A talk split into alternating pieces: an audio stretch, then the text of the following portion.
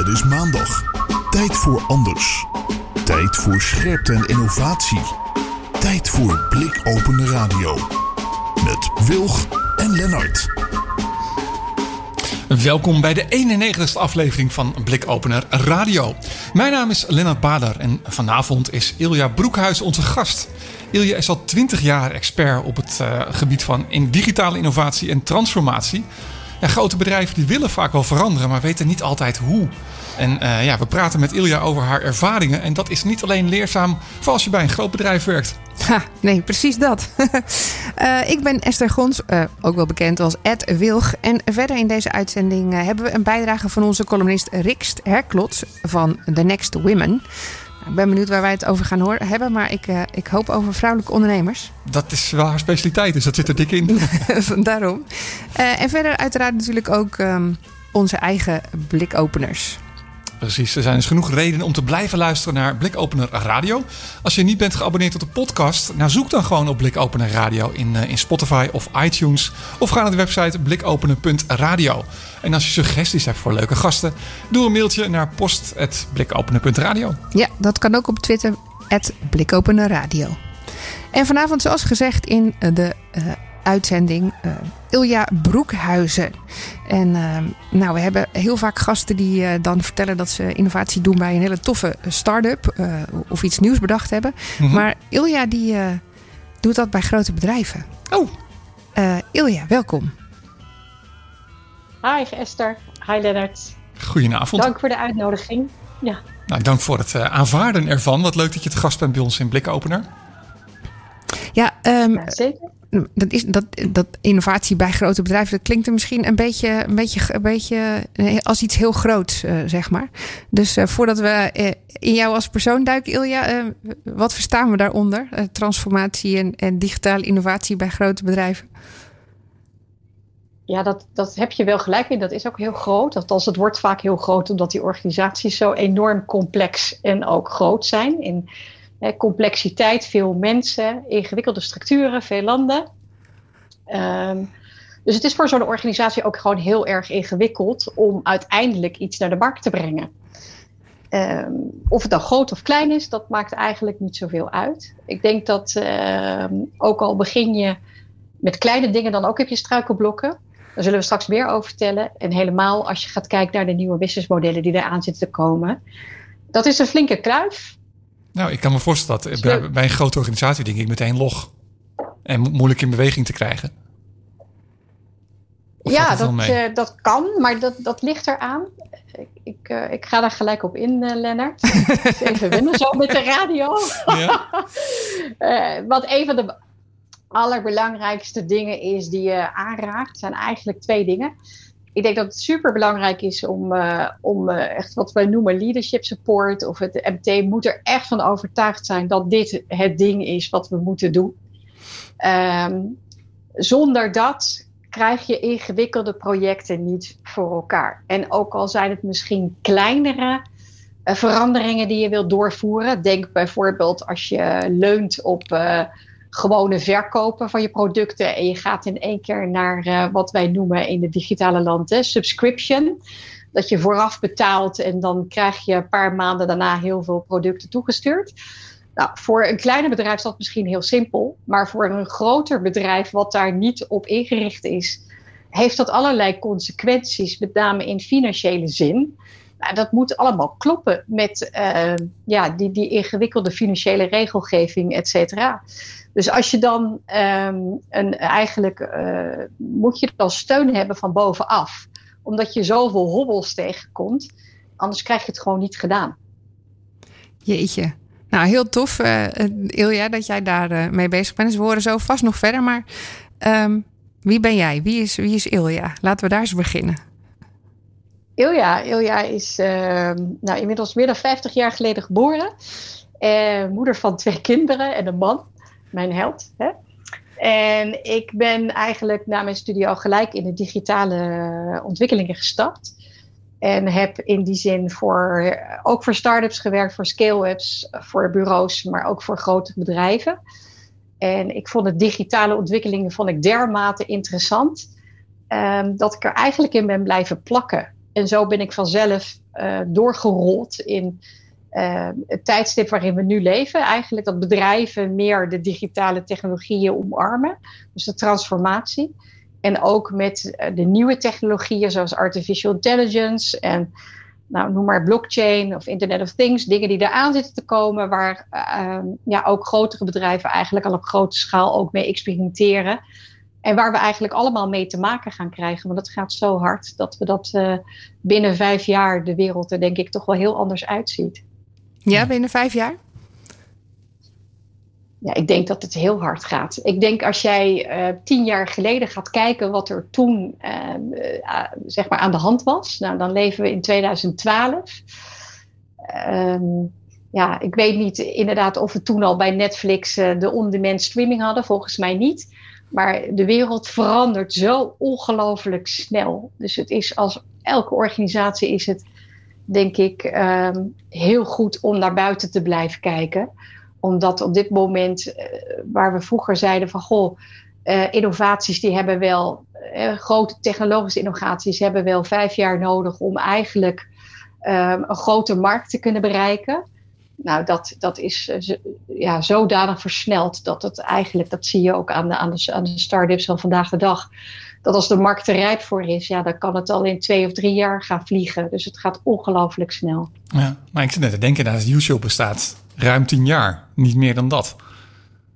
Nee, dat lijkt altijd tot te bestaan. Hè? Dat is ja, neem je dat mee. Ja. Omdat je er zo middenin zit, heb je dat helemaal niet zo door dat dingen zo snel gaan misschien. Misschien is dat het wel. Ja, ja, maar het gaat natuurlijk ook steeds sneller, die transformatie. Ja, maar het kan op een gegeven moment niet sneller dan snel, toch? Of dat, zit, daar een soort, zit daar een rem op? Of, of net een soort ja, van... ja, wacht maar tot uh, de, die nieuwe vorm van computing uh, uh, los is. Dan ja. gaat het nog sneller.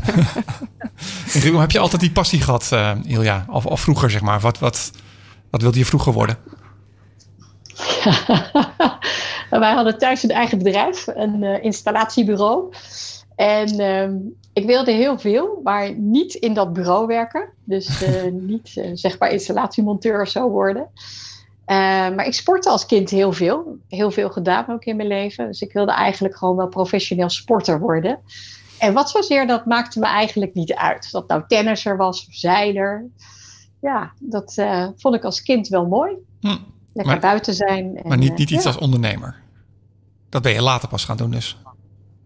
Ja, dat ben ik later pas gaan doen. Ik ben, uh, na, denk na een jaar of tien ben ik, uh, zeg dat goed, weet ik niet eens meer, maar goed, ben ik voor mezelf gaan werken. En heb ik bij bedrijven allerlei opdrachten gedaan op het gebied van uh, nou ja, digitale strategie en innovatie en transformatie, of hoe je het ook wil noemen, maar in ieder geval een brok verandering. En um, ja, dat vind ik gewoon eigenlijk het leukste wat er is. Maar ik ben ook iemand die um, een beetje meezeilt eigenlijk met wat er komt. En um, qua technologie en wat er allemaal nog meer op ons afkomt natuurlijk in de wereld die verandering is. Uh, ja, er komt zoveel op ons af. En ik denk dat dat omarm ik. En vind ik het leukste om, om beter te pakken. Wat, wat vind je daar zo fascinerend aan? Wat, wat maakt die verandering zo leuk? Of Zit dat zelf ook in je? Wil je ook, heb je elk, elk jaar ander haar? Of weet ik veel, doe, doe je dingen echt? Ben je, zelf ook op die manier met verandering steeds bezig? Of? Ja, we hebben net geconstateerd dat ik uh, mijn haar, uh, nou, ik weet niet of het anders is, maar ik hou het wel bij. Maar um, ja, ik verander mijn huis ook regelmatig tot grote vreugde van mijn gezin. En um, ja, ik, ja, het is voor mij vrij natuurlijk. Ik zie hoe dingen anders kunnen, beter kunnen. Maar ook als we met trends bezig zijn, dan, dan, dan vind ik het fascinerend om te zien wat er aankomt en welke kansen er zijn. Ik denk als persoon zit daar ook uh, ja, een deel van mijn energie. En want dat zeg je, welke kansen er zijn. Um, binnen bedrijven, grotere bedrijven, zei je net al, is het heel complex uh, dat veranderen, maar ook innovatie. Um, welke kant van die, van die innovatie vind jij nou het meest interessant bij, om bij grote bedrijven bezig te zijn? Het is natuurlijk niet allemaal hetzelfde. Uh, welke trends nee. of opportunities? Welke, hoe, hoe kijk jij meestal mee met bedrijven? Op welk facet richt jij je? Meestal in um, de, ja, moet ik het zeggen, de, de proposities of de, de, de, nieuwe services, producten die we naar de consumenten eigenlijk uh, brengen. Dus ik zit echt op het vlak van, goh, hoe kunnen we als organisatie uh, niet zozeer heel slim onze supply chain inrichten en onze andere interne processen verbeteren, maar hoe kunnen we ons uh, ja, interessantere uh, proposities of producten, diensten naar de markt brengen waar de klant van, van vandaag of van morgen echt op zit te wachten. Hm. Kun je een voorbeeld geven? Dat is misschien wel leuker.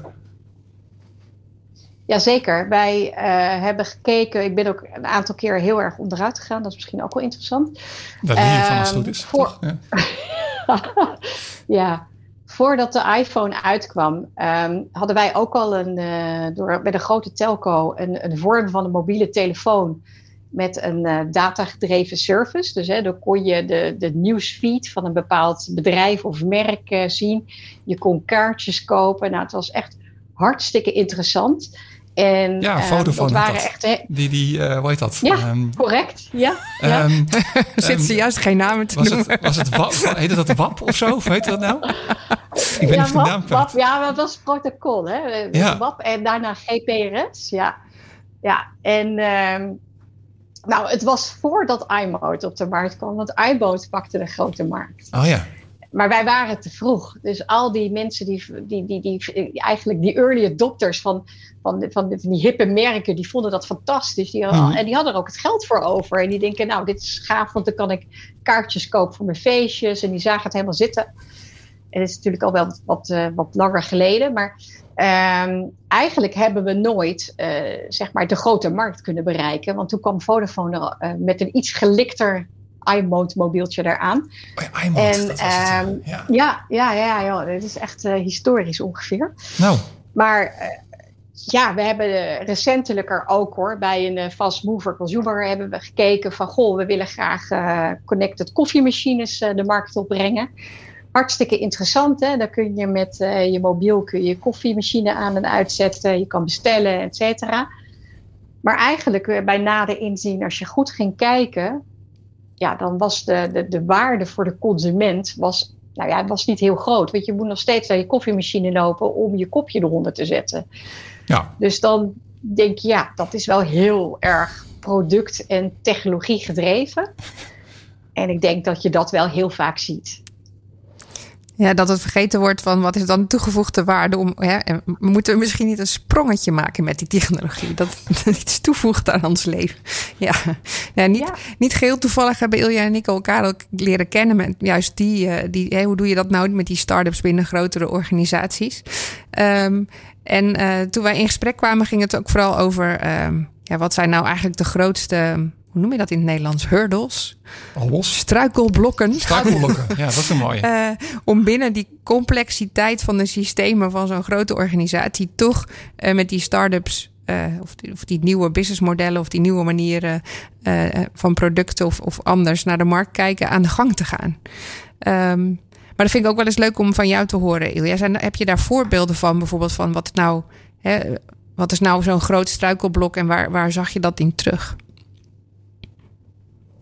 Ja, meerdere dingen eigenlijk. Je ziet dat uh, grotere organisaties, omdat ze groot zijn en niet altijd even goed zicht hebben op wat er gebeurt in, het hele, in de hele organisatie. Dus die hebben een, echt een, ja, een teruglading aan projecten.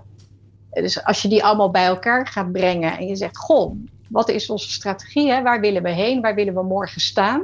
En wat gaat ons daarbij helpen?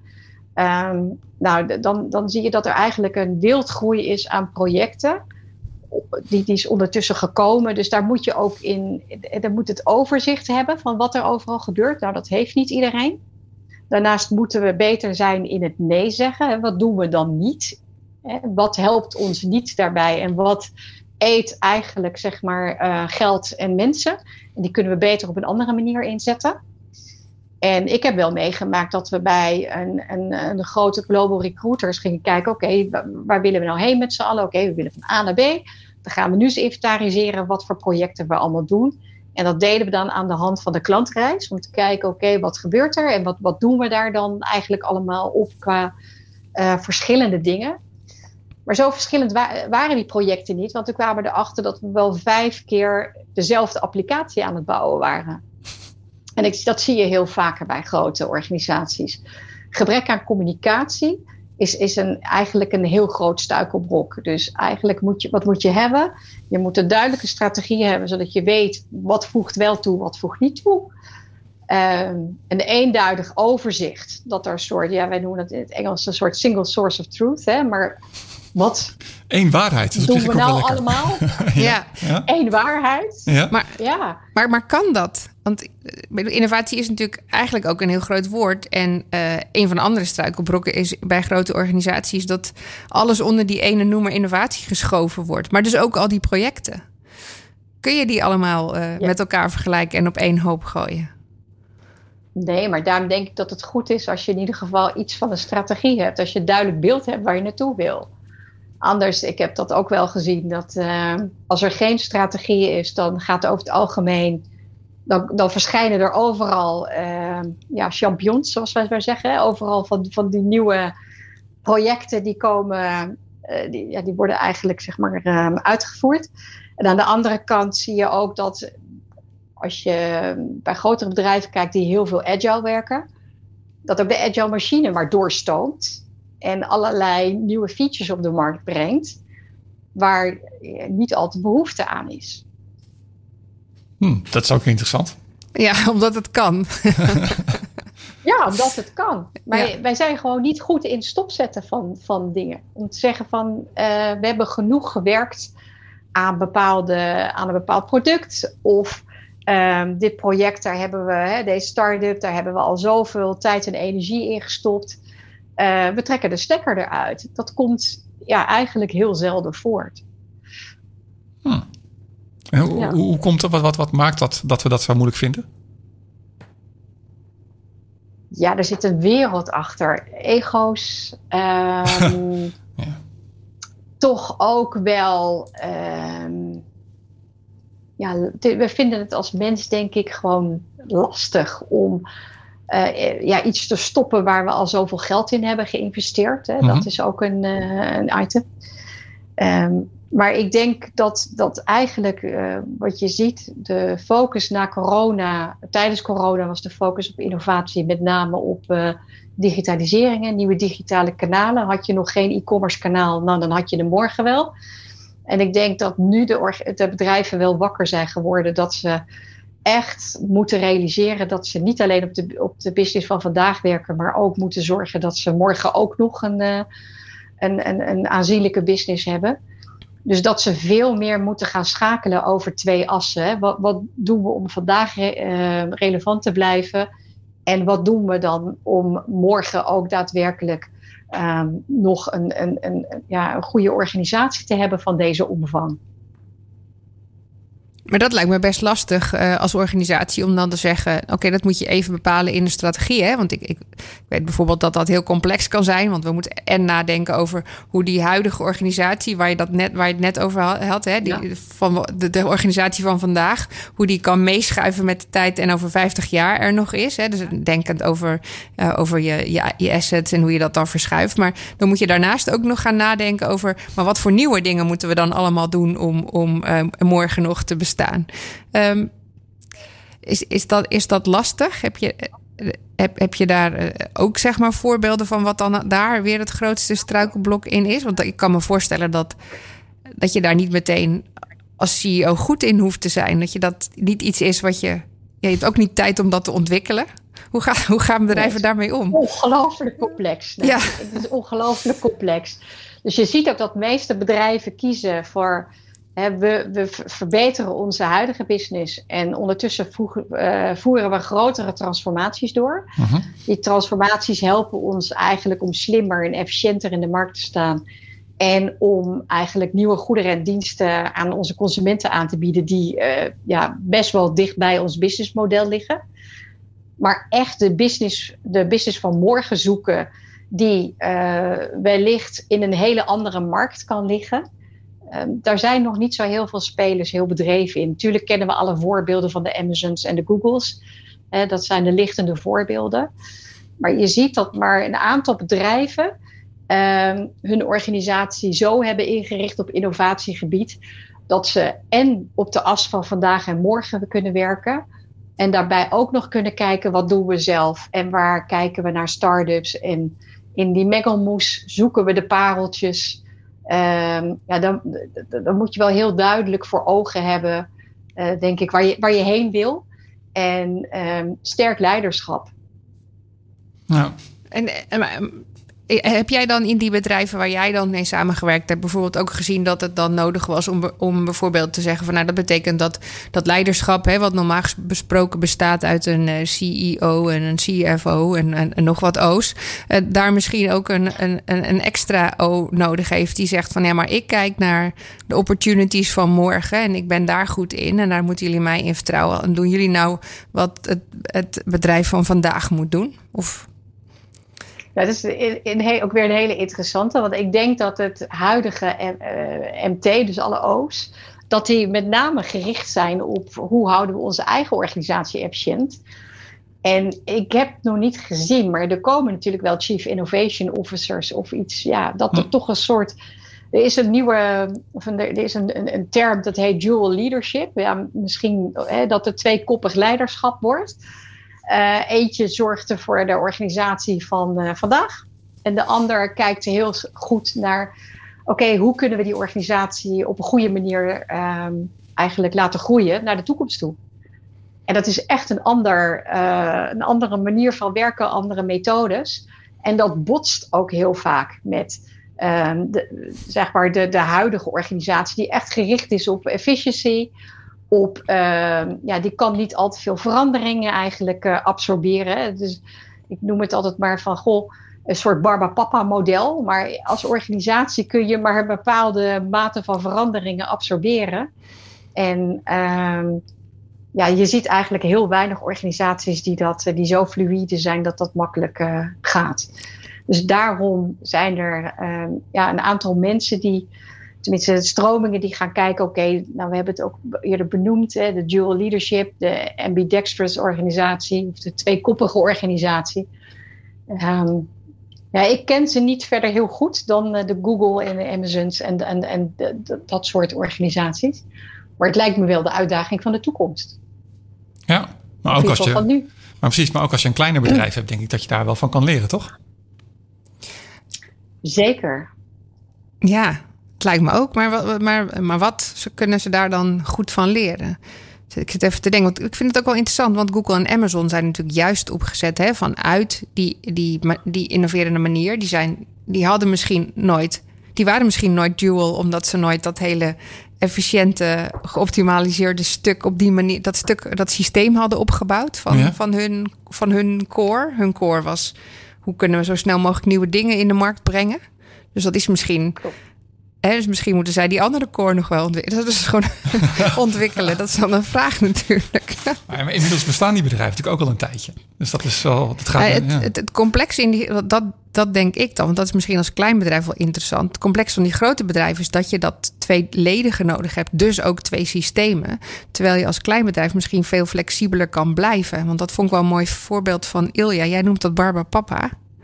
Uh, ik zeg altijd, sommige bedrijven, of zo, maar misschien zelfs soms, maar onze maatschappij zelfs, zijn zo overoptimaliseerd of zo efficiënt gemaakt, dat we eigenlijk niet meer door onze knieën kunnen. En, en dat zie je ook bij, bij, bij, bij crisissen dan. Dus dan kan je ook niks meer opvangen. Dus dan kan je geen. Efficiëntie gaat ten koste van flexibiliteit. Ja, zeg je dan eigenlijk? Dat zeg ik, ja. ja. En dat is bij kleinere bedrijven misschien wel minder zo. Ja. Ja, moet je ondernemers misschien het meer. Ja. Ah. Misschien, eh, ja, dus toch weer die barba papa weer die een beetje kan morven zo. Ik kan me voorstellen dat het een groot bedrijf per definitie minder flexibel is. Aan de andere kant zou je kunnen zeggen, er zijn meer mensen of meer resources waar ze mee kunnen schuiven makkelijker.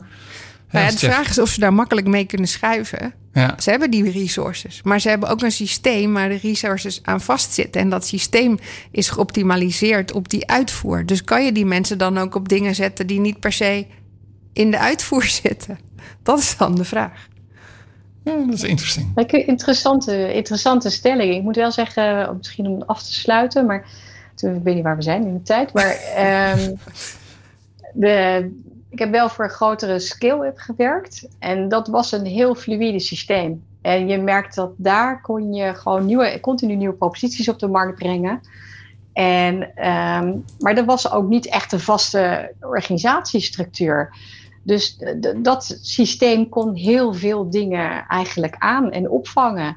Dus wat dat betreft, die, ehm, daar hebben we vrij succesvol eigenlijk de ene eh, service naar de andere service kunnen uitrollen.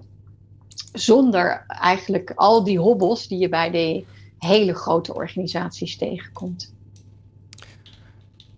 Ja, en dan, dan, en dan wordt het anders. Of makkelijker eigenlijk. Ja, dan wordt, dan wordt het makkelijker. Het wordt overzichtelijker.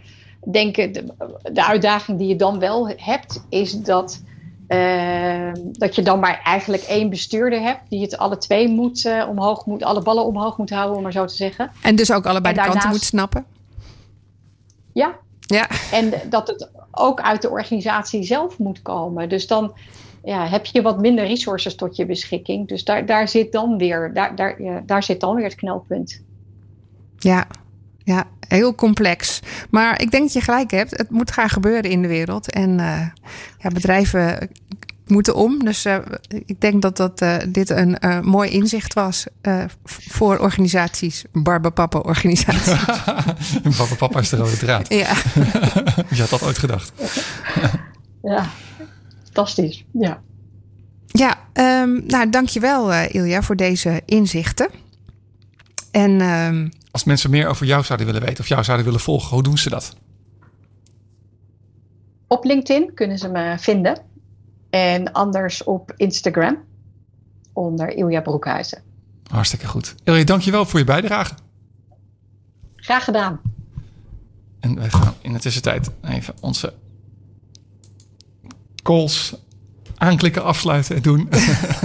Ik kan het allemaal. ondertussen even onze uh, blikopenen radio bumpertje doen. En dan uh, schakelen we daarna door naar onze columnist van de avond. En dat is Rikst Herklos van The Next Women. Die uh, ook weer uh, een uh, goed onderwerp heeft voor vanavond. Ja. Um, en dat leuke is dat ik dat, dat artikel waar, waar ze het in, onder andere over gaat hebben vandaag al voorbij zag komen. En dacht van, nou dat ga ik in de week van of blikopeners bespreken. maar goed, Rikst was me voor. en dat past misschien ook wel beter ja. bij haar, zeg maar. Ja. Want ze had er nog wat extra dingen bij te vertellen. CEO van The Next Women. en inmiddels in de uitzending audio geunmute. En dan kunnen we inderdaad haar ook uh, verstaan. Rikst, goedenavond. Yes. Ja. Goedenavond. Wat, wat fijn dat ook jij erbij bent. Ja, thanks for having me again. ja, Uiteraard. Het, het, is alweer even geleden, maar uh, je hebt ook wel weer mooie onderwerpen voor vanavond. Ja, ja, het is eigenlijk heel toevallig, maar in de laatste twee, weken is er weer heel veel aandacht uh, voor de, de, de genderongelijkheid op de werkvloer. Uh, oh, je valt even weg. Misschien dat je de video even moet uitzetten, Rix. Want de verbinding is niet al te best. Oh. Dus laten we dat dan even op de audio focussen. Maar je had het inderdaad over de genderongelijkheid. Ja, eh, en uh, dat vind ik wel grappig dat je dat zegt. Want ik zag dat ook voorbij komen en toen dacht ik... zou dat nou uh, eraan liggen dat we met z'n allen weer terug moeten naar die werkvloer of, of niet? Oh ja. maar dat, was wel, dat is wel coincidental. maar ga verder, Rikst. Nou ja, daar ging het natuurlijk ook, over. De, dat het, want het eerste artikel dat ik erover las was een opiniestuk... in het Parool gisteren tijdens Vaderdag... Wat natuurlijk ging over, wat heel scherp ging over het feit dat uh, we altijd heel erg kijken naar uh, de ander, de vrouwen die meer zouden moeten werken. Deeltijdprinsesjes is natuurlijk een veel uh, gehoord Deeltijdprinsesjes hier in de Nederlandse cultuur. Oh jee. of we wijzen heel erg snel met, uh, met vingers naar overheid en, en bedrijven die anders zouden moeten doen. En de Scandinavische landen waar het zoveel beter geregeld is. Maar eigenlijk was de schrijver van het stuk vooral heel erg ermee bezig. Wat, wat nou de rol en de verantwoordelijkheid van de vader is. Dus in plaats van uh, als vader te zeggen. Uh, moderne papa's die zeggen: Hoezo vragen mensen naar mijn papadag? Iedere dag is toch papadag? Ook zelf meer die verantwoordelijkheid te nemen. En dat toch ook nog vier op de tien mannen denkt dat vrouwen gewoon beter zijn in het opvoeden van de kinderen. Uh, is dat, is dat, dat... Dus dat er eigenlijk ook heel veel winst nog te behalen is bij de mannen. Ja, dat is een deel zelfonderschatting waarschijnlijk. maar... Ja, of, of ja, dat was inderdaad ook zijn punt. Dat als je, het, eh, als je het maar vaak genoeg doet, dan word je er natuurlijk vanzelf beter in. Dus als die mannen gewoon wat meer gaan doen, dan uh, worden ze vanzelf uh, de, de meer verzorgende in, de, in, de, in het ouderschap en in de relatie. dus dat vond, dat vond ik wel een, nou ja, weer eens een verfrissende blik op, op dit onderwerp. Ja, zo van niet, zitten, niet zeuren, maar gewoon doen. Maar goed, dan moet je dat ook wel zien. Want ik, heel veel van die, dingen, van die veranderingen, die, die dingen moet je ook zien. Hè? Want misschien is het inderdaad dan nog wel dat in Nederland het heel gewoon is om te zeggen: ja, dat is misschien niet stoer dat je dan uh, veel voor dat kind zorgt. Het is wel hip om dan één dag papa-dag te hebben. Alleen het woord al, denk ik bij mezelf. Dat was toch niet heel erg uh, gender, noem je dat? nou ja, goed. Werkt werkt niet heel erg mee aan, aan die gelijkheid. Um, maar, maar ja, hoe... het is ook meteen beperkend tot een dag. Ja, als, als nou ja, papa een week was of zo. Dan, of ook niet. Of, uh, ja. Dus het, ja, maar dat zie je natuurlijk ook met de vakantietijden. En zo, hè? Dat, dat, dat moeders dan een weekend weggaat met de vriendinnen of zo. Of, of, of met, op een retreat. Of gewoon lekker zelf uh, ertussenuit of voor werk weg moet. En dat er dan gezegd wordt, oh, en uh, is, jou, is jouw vent dan alleen thuis? En past die dan op de kinderen? Nou, wat knap, wat goed. Het is natuurlijk helemaal een cultuur die we daar zelf om gevormd hebben. Terwijl, ja, hoezo? Het zijn ook zijn kinderen. Hij kan prima ervoor zorgen, toch? Ja, ja. Ik zie ook hier weer een Barba Papa uh, voorbij kunnen komen, zomaar eens ja, we hadden het net over veranderingen. Dat je dan toch heel, heel veel moet absorberen. En dat er dan heel veel dingen eigenlijk bij komen kijken om die door te voeren. Maar dat is ook hier weer het geval, denk ik. Papa's moeten meer Barbara papa worden. Oh ja, misschien wel. meer flexibel. Ja, meer flexibel. Of meer, minder, ja, meer uitdijen is misschien ook niet zo'n goede woord. Maar... maar jij had nog meer uh, artikelen uh, gelezen, Rick. Ja, het is natuurlijk ook heel erg zo van, hè, dat is steeds in dit soort, dit soort gesprekken en discussies, ook in, als je het dan weer doortrekt naar zoiets als energietransitie, hè, wat is de verantwoordelijkheid van het individu en wat is de verantwoordelijkheid van overheid en organisaties? Dat wordt in dit, in dit stuk ook gezegd. Ja, we, wijzen heel erg naar kinderdagverblijven, uh, bepaalde uh, flexibiliteit in organisaties. Dat is ook in een, in het uh, andere, een ander artikel uh, waarin het uh, over ging dat de mediocre man, de middelmatige witte, witte man, die houdt eigenlijk het succes van de vrouwen tegen. Uh, en dat was een onderzoek wat, wat in de City in Londen, in, het, in de financiële sector gedaan was, waar de Financial Times over geschreven had. Ehm, waarin uiteindelijk nou ja, gesteld werd dat uiteindelijk vooral de de, de, de, witte, de witte middenmotorman uh, de, de, de verandering naar gelijkheid uh, tegen blijft gaan. Maar daar wordt dan wel weer heel erg ook de, nou, in, in het lijstje van tien oplossingen gewezen naar bedrijven moeten flexibel werken aanbieden. Hè? En bedrijven uh, moeten kinderdag, kinderdagverblijven voor hun werknemers um, uh, ook voor zorgen.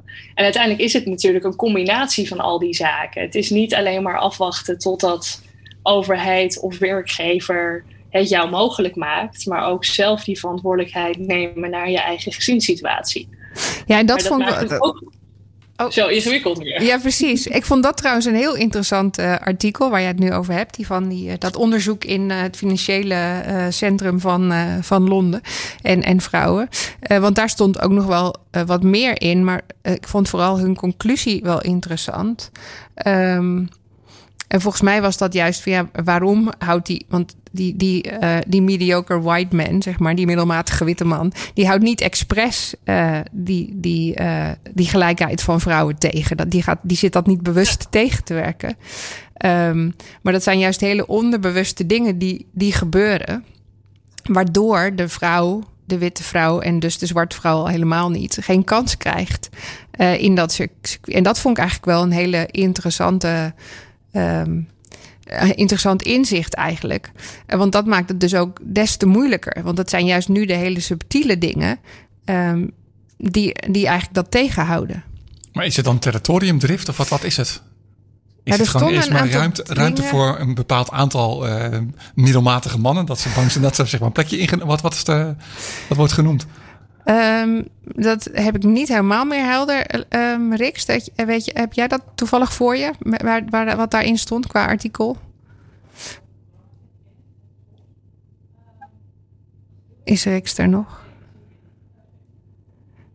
Nou, nou, even opnieuw nou, want volgens mij bleek vooral uit het onderzoek dat dat ging om uh, dingen als uh, dat die mannen het dus ook um, als ze iemand moeten aannemen, het fijn, automatisch fijn vinden oh. om iemand aan te nemen zoals zij. Maar dat is niet bewust. Nee. Of uh, dat het nog steeds zo is dat er in meetings um, vrouwen minder gehoord worden als ze iets zeggen. Dus het wordt niet meteen aangenomen. Maar als een man datzelfde zegt, dat wel een goed idee gevonden wordt.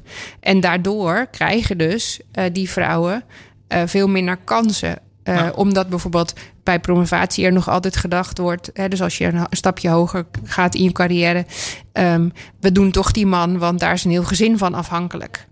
Onbewust. Dus dat onbewuste uh, is, is zeg maar een soort van waar je tegen strijdt. En dat maakt het natuurlijk des te moeilijker. Ja, ja dat snap ik. Um, ja. Rix is inmiddels aangeschoven weer, digitaal. Als het goed is. Ben jij weer een Rikst? Ik weer. Ah, ja, goed zo. de verbinding is niet heel stabiel. Hè? Nee. Er steeds uit. Nou. Maar het is inderdaad zeker, zeker zo dat, dat hè, de, het, is, het, het, het maakt het ook zo lastig dat het allemaal onbewust is. Um, en dat maakt het ook zo uitdagend en zo interessant om het erover te hebben, ook, uh, ook met jullie. Uh, hè, dat het inderdaad helemaal niet van, vaak vanuit kwade bedoelingen is. Dat je uh, pas naar elkaar luistert als het, als de man is die het zegt. Uh, of dat je heel bewust denkt, nou die vrouw die, die, die, die zegt eigenlijk nu heel erg onzin en vervolgens precies hetzelfde uh, van een man kan ik wel hebben. Dat zie je natuurlijk ook in onderzoeken binnen de venture capital wereld. Waarin hè, proposities van bedrijven anoniem uh, of he, geanonimiseerd zijn en bij de een uh, met een mannennaam worden neergelegd en bij de ander met een vrouwennaam. En de waarderingen die daar dan op terugkomen en de vragen, dat gewoon het feit of daar wel of niet, uh, welk gender er dan aan de founder gekoppeld is, hoe van invloed dat is op hoe wij dus vervolgens naar zo'n bedrijf kijken. en waarbij we allemaal in ons bewuste, rationele brein natuurlijk zeggen: nee, dat zouden we nooit doen. Hè, ik, uh, ik ben, uh, zo ben ik niet en het maakt mij niet uit. En ik ben, uh, hè, ik ben een feminist, ik ben een ally. Dat is ook een tijdje natuurlijk een hele mooie zin geweest. juist ook voor mannen om dat uit te spreken. Maar uiteindelijk als je acties er niet op aansluiten, ja, dan, dan, dan zet het niet zo heel veel zoden aan de dijk. En uiteindelijk is het natuurlijk een, een gedragsverandering en een cultuurverandering daarin met elkaar moeten omarmen. Uh, en dat is dan eigenlijk hè, bij, het, bij het derde artikel, wat, wat onlangs verscheen.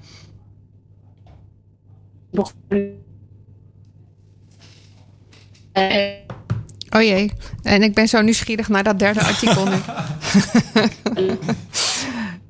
ik ga Aris bellen op de achtergrond. Ja, dat lijkt me een goed idee. Met 50 medewerkers of meer kan daar aan meedoen. Ja, ik ja. denk dat, dat derde artikel niet heel uh, duidelijk is. Dus op, uh, inmiddels uh, moeten we gewoon even op een andere manier met Rix contact zoeken. Dus ik hoop dat ze de telefoon nu ook in de gaten houdt. um, want dat ging over de kloof ook tussen mannen en vrouwen en um, nou ja, het gelijke salaris eigenlijk. Um, dus ik hoop dat we dat nog kunnen horen van uh, Rikst. Ja. Ja, dat derde artikel. Dat ging uh, over de kloof tussen mannen en vrouwen en hun loonverschillen, hè, geloof ik. Ja, ja. Vertel. Nou, dit, is, dit is een topverbinding. Dit klinkt al zoveel beter. Ga gewoon uh, ouderwets bellen voortaan. Ja. ja, precies. Het zit niet op nee, elke nee, telefoon. Het derde artikel, ja, super, uh, super interessant uh, nieuw, nieuw onderzoek wat de Erasmus Universiteit uitvoert uh, bij bedrijven met 250 man personeel of meer. En wat ze doen is, zij kijken daar naar nou, de, de loonverschillen tussen mannen en vrouwen, waarbij ze de, de verschillen in functie en dat soort externe factoren tegen elkaar wegstrepen. En bedrijven, ieder bedrijf die meedoet, krijgt een certificaat En is het nou zo dat, je, uh, dat de, loonverschillen meer dan 5% zijn, dan krijg je in ieder geval het certificaat van awareness. Want je hebt meegedaan aan het onderzoek, dus je bent er bewust mee bezig. Dus die eerste stap is gezet. Uh, is het nou minder dan 5%, dan krijg je het certificaat van progress. Je bent op de goede weg. En uh, is het nou niet een significant verschil, dan krijg je het certificaat van excellent. En dan ben je eigenlijk natuurlijk het schoolvoorbeeld van hoe men dat zou moeten doen. Ja, dus dat is ja, als je kijkt over de laatste, de laatste tien jaar zijn we 6% uh, uh, verbeterd. Hè. Tien jaar geleden was het loonverschil nog 20% en inmiddels zitten we op 14%. Wow. Uh, maar het, het is veel zeg, eigenlijk. een vrij groot verschil wat nou, we hebben. Dat is echt een groot. Ik had niet gedacht dat het zoveel was, eerlijk gezegd. Ja, het is ja. een, uh, voor, voor zo'n modern land als Nederland lopen we daar nog uh, behoorlijk op achter. Hm. Het is ook wel, dus dat, is ook weer dat subtiele eigenlijk wat daar aan de grond zeg, ligt. Want eh, alles wat iemand anders niet ziet, is nooit eh, of niet voelt. Dus eigenlijk kan, is, is dus ook lastig in, in, te, in te voelen als probleem. En dan ga je dat dus ook niet oplossen. Dus voor al die problemen en voor al die insla, al die dingen die je in moet halen, is eigenlijk dat je het eerst zichtbaar moet maken en moet aankaarten. Om er dan pas wat aan te kunnen doen. Dus dat, ja, dat, dat volgens mij gaat dat veel te lang duren voor iedereen die daar last van heeft. Ja. Dat, dat onbewuste, het feit dat men dat er, dat er weinig CEO's zijn uh, of HR-medewerkers die nou heel bewust naar hun loonschaal gaan kijken en denken, nou weet je, die vrouwen, die kan ik het allemaal wel voor minder laten doen. Uh, dus dat gaan we, dat gaan we, hè, dat gaan we eens proberen voor elkaar te krijgen. Het is veel meer in dat loonspel vaak het verhaal dat er hè, vanuit een bedrijf een bepaalde marge is. Hè. Je kan min, minimaal 3500 krijgen en maximaal 4500. En we zetten op 4000 in. Of hè, misschien op 3600. Gewoon om een beetje uh, conservatief te zijn. En dan is het gewoon wel dat een vrouw veel eerder denkt... nou, 3600, dat, dat is het dan. Uh, waar een man denkt, ja, maar nu begint het spelletje pas. Hè? En die zet eigenlijk al in op, uh, op 5000. Want die wil op die 4500 eindigen. Dus het is ook heel erg die, die, die uh, benadering naar, naar dat soort gesprekken toe.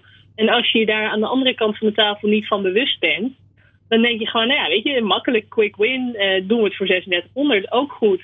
En maar uiteindelijk trekt dat dus scheef en heeft dat, nou ja, vergevorderde gevolgen als het gaat over financiële onafhankelijkheid, financiële vrijheid, uh, pensioenopbouw. Het feit dat vrouwen dan nog veel langer leven dan mannen gemiddeld genomen. Dus het gaat veel verder dan dat ene gesprek over je salaris uh, aan het begin van je carrière. Ook als je dan vervolgens kijkt naar hè, wat dan een beetje de, de, hoe de schaal opgebouwd is, wat je op jaarbasis percentueel erbij krijgt. Dat gaat allemaal veel verder dan alleen maar. Nou, oké, okay, 36, dan doe jij het voor 3600 en dan doet die andere het voor 4500. Top, weet je, dan uh, ben ik mijn budget, uh, heb ik weer rond. Ja. Het is aan de ene kant misschien, dat het, we net over hadden, die zelfonderschatting van die man hè, over het opvoeden van die kinderen. Dat hij dat misschien niet zo goed kan, wat onzin is natuurlijk dan. Uh, andersom dan misschien wat zelfonderschatting van die vrouw. Die denkt van ja, maar ik neem hier al wel genoegen mee. Ja, nee, of het systeem dat opgebouwd is. Omdat ja. er altijd, uh, mannen, altijd is. mannen op die manier dat spelletje ja, speelden. Ja. En moet er misschien nu iets aan het systeem gedaan worden. Want er zijn ook al bedrijven die zeggen... we gaan gewoon transparant doen. Iedereen verdient hetzelfde. En dat zetten we publiekelijk. En daar valt niet aan te tornen. Ja. Want er, er, zijn nou eenmaal mensen die heel op andere manieren met dingen omgaan. We zijn ook intercultureel. Uh, dus, dus wij zetten gewoon heel open en bloot hoe we daarmee omgaan. En dat is wat we doen. Ja. Dus, ja. Ja. Ja, ja, dat is natuurlijk ook als je dan cultureel gezien uh, kijkt. En dan zijn we als Nederlands volkje natuurlijk daar ook niet zo makkelijk in. In praten over geld en succes. En uh, dat vinden we toch allemaal zoiets dat we dat. Ja, daar, heb je, daar heb je het niet over. Uh, tenzij het eigenlijk te slecht is. Weet je dat, je, dat je wel moet. Maar anders. Dat is, ook niet, dat is ook een cultureel ding. Dat we daar helemaal niet zo transparant over zijn. als dat we misschien wel denken dat we zijn.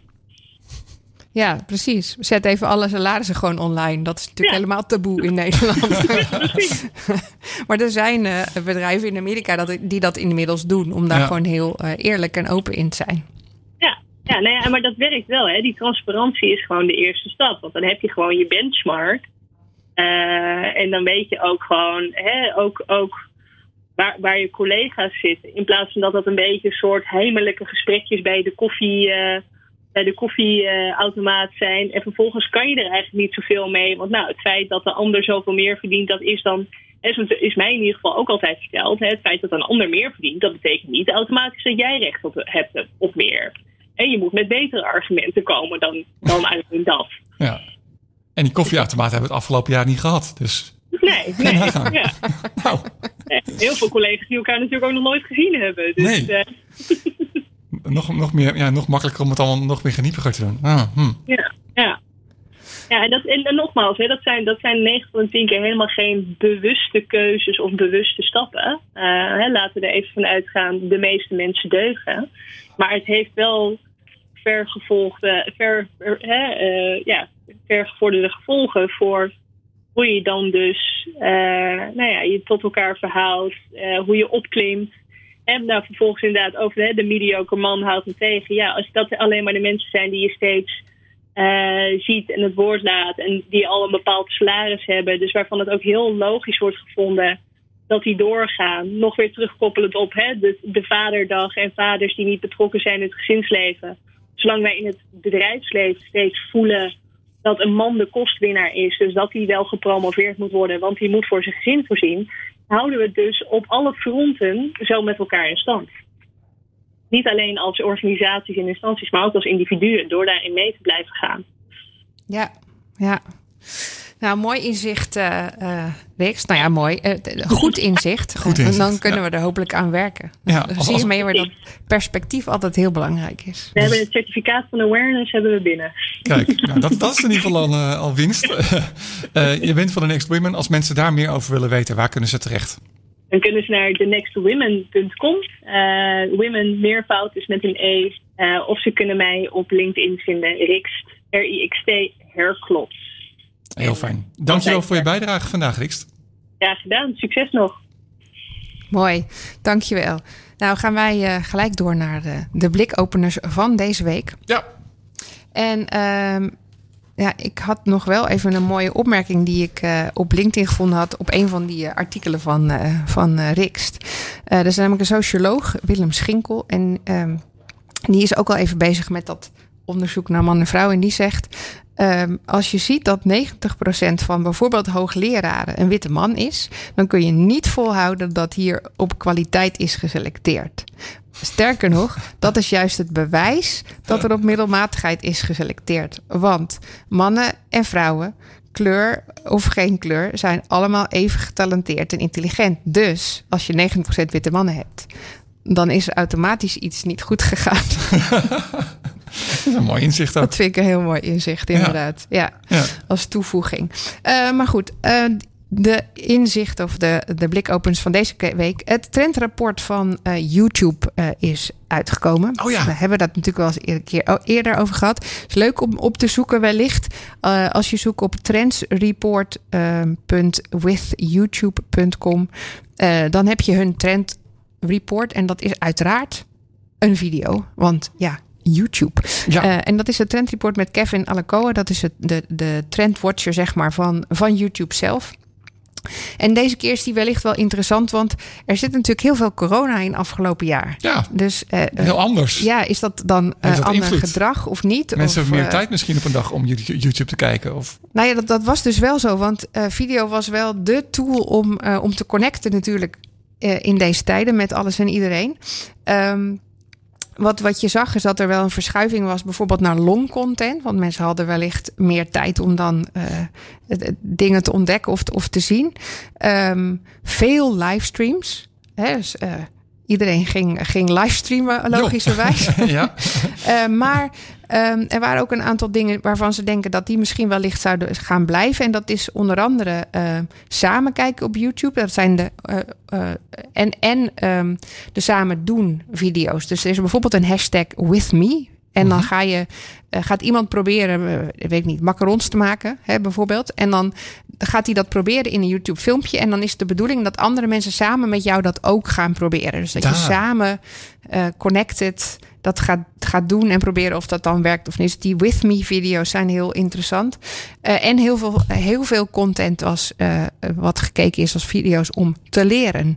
Uh, of, Hmm. of hoe moet je dingen doen? Nou, dat kan ik me natuurlijk voorstellen in corona, want iedereen Ja. wilde graag weten hoe je dan yoga deed. Want ja, ik heb ook wel eens nodig om te ontspannen. Ja. Eh, maar ook ehm, andere dingen die je niet eerder had gedaan. Dus bijvoorbeeld eh, dat, zuur, dat zuurdesembrood bakken, wat, eh, wat iedereen maar deed. Ehm, verder, zag, eh, verder was er uit het trendrapport eh, een aantal eh, interessante cijfers. Ehm, bijvoorbeeld dat 56% van alle Nederlanders, en dat is even met een kanttekening dat dat waarschijnlijk ergens tussen de 18 en de 50 jaar is, niet Ja. alle Nederlanders, iets gepost heeft. een video gepost heeft op YouTube of op Instagram.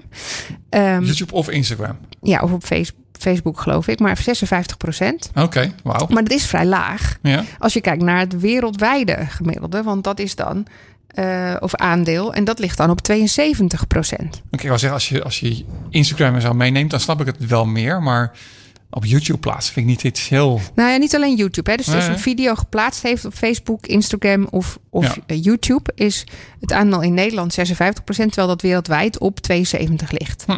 Dus dat vind ik dan wel interessant. Interessant, terwijl ja. wij toch een heel digitaal land zijn. Maar content creëren is dan wellicht nog wat lastiger. Want ehm 83 procent keek het afgelopen jaar bijvoorbeeld een livestream. Ja. dus video kijken doen we wel, maar een livestream... 83 procent van de Nederlanders keek het afgelopen jaar een livestream. En hoeveel is dat vergeleken met de rest van de wereld? Ja, dat staat er dan weer niet bij. Oh, of dat heb ik niet goed opgezocht. Dat kan ook, dat weet ik niet. Maar een van de, de meest bekeken eh, livestreams is dan eh, Mars. Waar NASA Oh. live eh, verslag van deed over hoe, dat, Perseverance landing. ja, hoe, die, eh, hoe die lander dan eh, precies op Mars terecht kwam. En daar zaten mensen dus ook echt te kijken. Terwijl je aan het eind en- toch niet heel veel zag. Nee, dat is een beetje anticlimax. Ja, Zo, dus de precies. grootste anticlimax van het jaar misschien wel.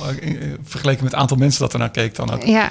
Ja. Maar goed, er zitten nog veel meer trends in. En het is misschien wel een leuk video om te kijken. Het, het, het is wel een hele lange video. Maar er staan ook iedere keer videootjes bij als je nou geïnteresseerd bent. Eh, hè, want er staan ook uitwerkingen over hoe bijvoorbeeld bepaalde artiesten omgingen met corona. Of hoe ze populair weer- werden. En hoe ze daarbij social media en videocontent ingezet hebben. Dus leuk om eh, nog even terug te kijken. YouTube Trends Report. En als je daar zoekt op YouTube, vind je het ongetwijfeld. Ja, en anders is het eh withyoutube.com. Eh, verder kwam ik nog wel wat interessante dingen tegen. Ik zag bijvoorbeeld dat China heel hard bezig is om crypto's te gaan verbieden. Maar echt verbieden. nou, in ieder geval te maken. willen eh, reguleren. Want eh, in China is het natuurlijk zo dat ze heel erg van gereguleerdheid houden. Om het zo maar eens netjes te zeggen. Ja. Eh, en dat crypto zorgt er toch wel voor dat er, dat er dingen kunnen gebeuren waar zij geen controle op hebben. Dus zij vinden het belangrijk dat onder andere het minen van cryptocurrencies lastiger gemaakt wordt. Of in ieder geval onder toezicht gesteld wordt. Maar er zitten hele grote.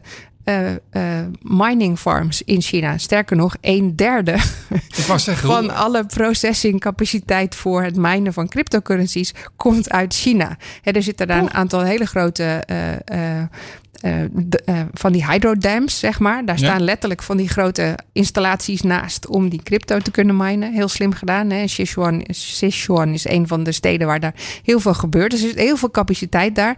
Ehm, en de Chinese overheid gaat zelfs zover dat ze nu zeggen: eh, elektriciteitsbedrijven. Overheidsbedrijven overigens.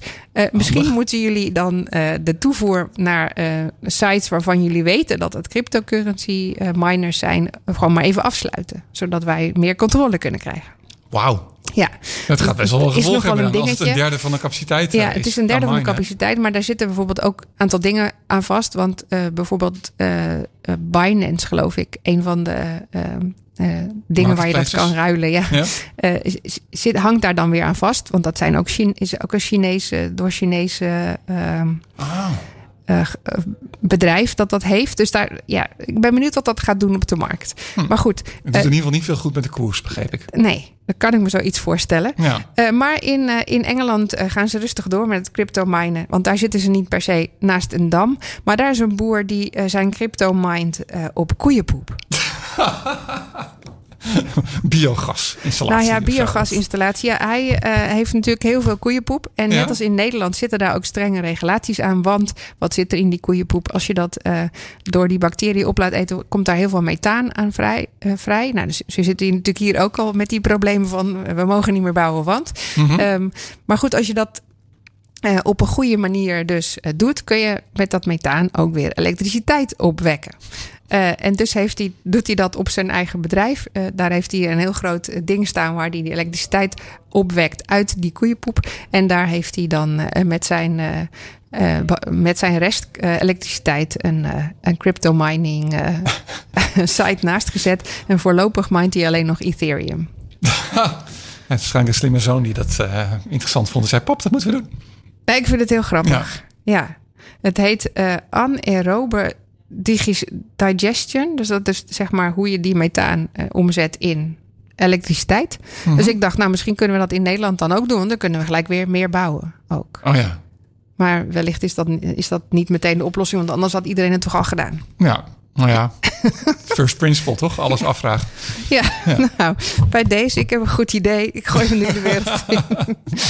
uh, en verder zag ik dat er ook uh, bijen en technologie uh, bij elkaar gestopt werden. En dat vond ik wel interessant, want hoe stop je uh, bijen nou met technologie samen? Want hè, ik, ik, we weten allemaal het klimaat. En, en, en, daar hebben we die bijtjes voor nodig. Want anders kunnen we straks ook niet meer eten. Dus iedereen doet zijn best om uh, extra bloemen in de tuin te zetten. Uh, groen, ma niet maaien in de bermen, dat soort dingen. Mm -hmm. um, maar nu worden dus ook bijvoorbeeld sensoren in bijenkorven gestopt. Uh, om te kijken welke bijenkorf het dan het beste doet. Uh, wat daar de vochtigheid is. Um, uh, hoe de bijen zich gedragen. Zodat die imkers ook meerdere um, inzichten hebben over die bijenvolkjes. En ze eerder kunnen ingrijpen als er iets misgaat. Als er bijvoorbeeld bijenvolkjes te groot worden en daar nieuwe koninginnen bij moeten. Of als er bijenvolkjes minder worden en ze ergens anders heen moeten. dus die imkers kunnen dan ook meer aan. En de bedoeling is dat ze met heel veel data dus ook veel meer inzichten kunnen krijgen over hoe ze zo'n bij kunnen helpen. En nu is er ook al bedacht, en daar zijn ze al mee bezig, dat ze dan kleine robotbijtjes kunnen maken, wellicht. Die dan uh, zich kunnen voordoen als echte dar, zodat ze dan ook kunnen zeggen: ja, maar kijk, daar zijn wel lekkere biologische plantjes waar jullie nu honing moeten halen. En dan kun je dus ook weer gaan zien waar die honing precies vandaan komt. Wat Bij de handjes. ook niet zichtbaar wordt. Dus ik vond dat een hele interessante biologische ontwikkeling. Mooi. En daarmee sluiten we deze aflevering af. Uh, dankjewel voor het luisteren. En uh, over twee weken zijn we er weer met een nieuwe aflevering. Zeker. En fijne weken.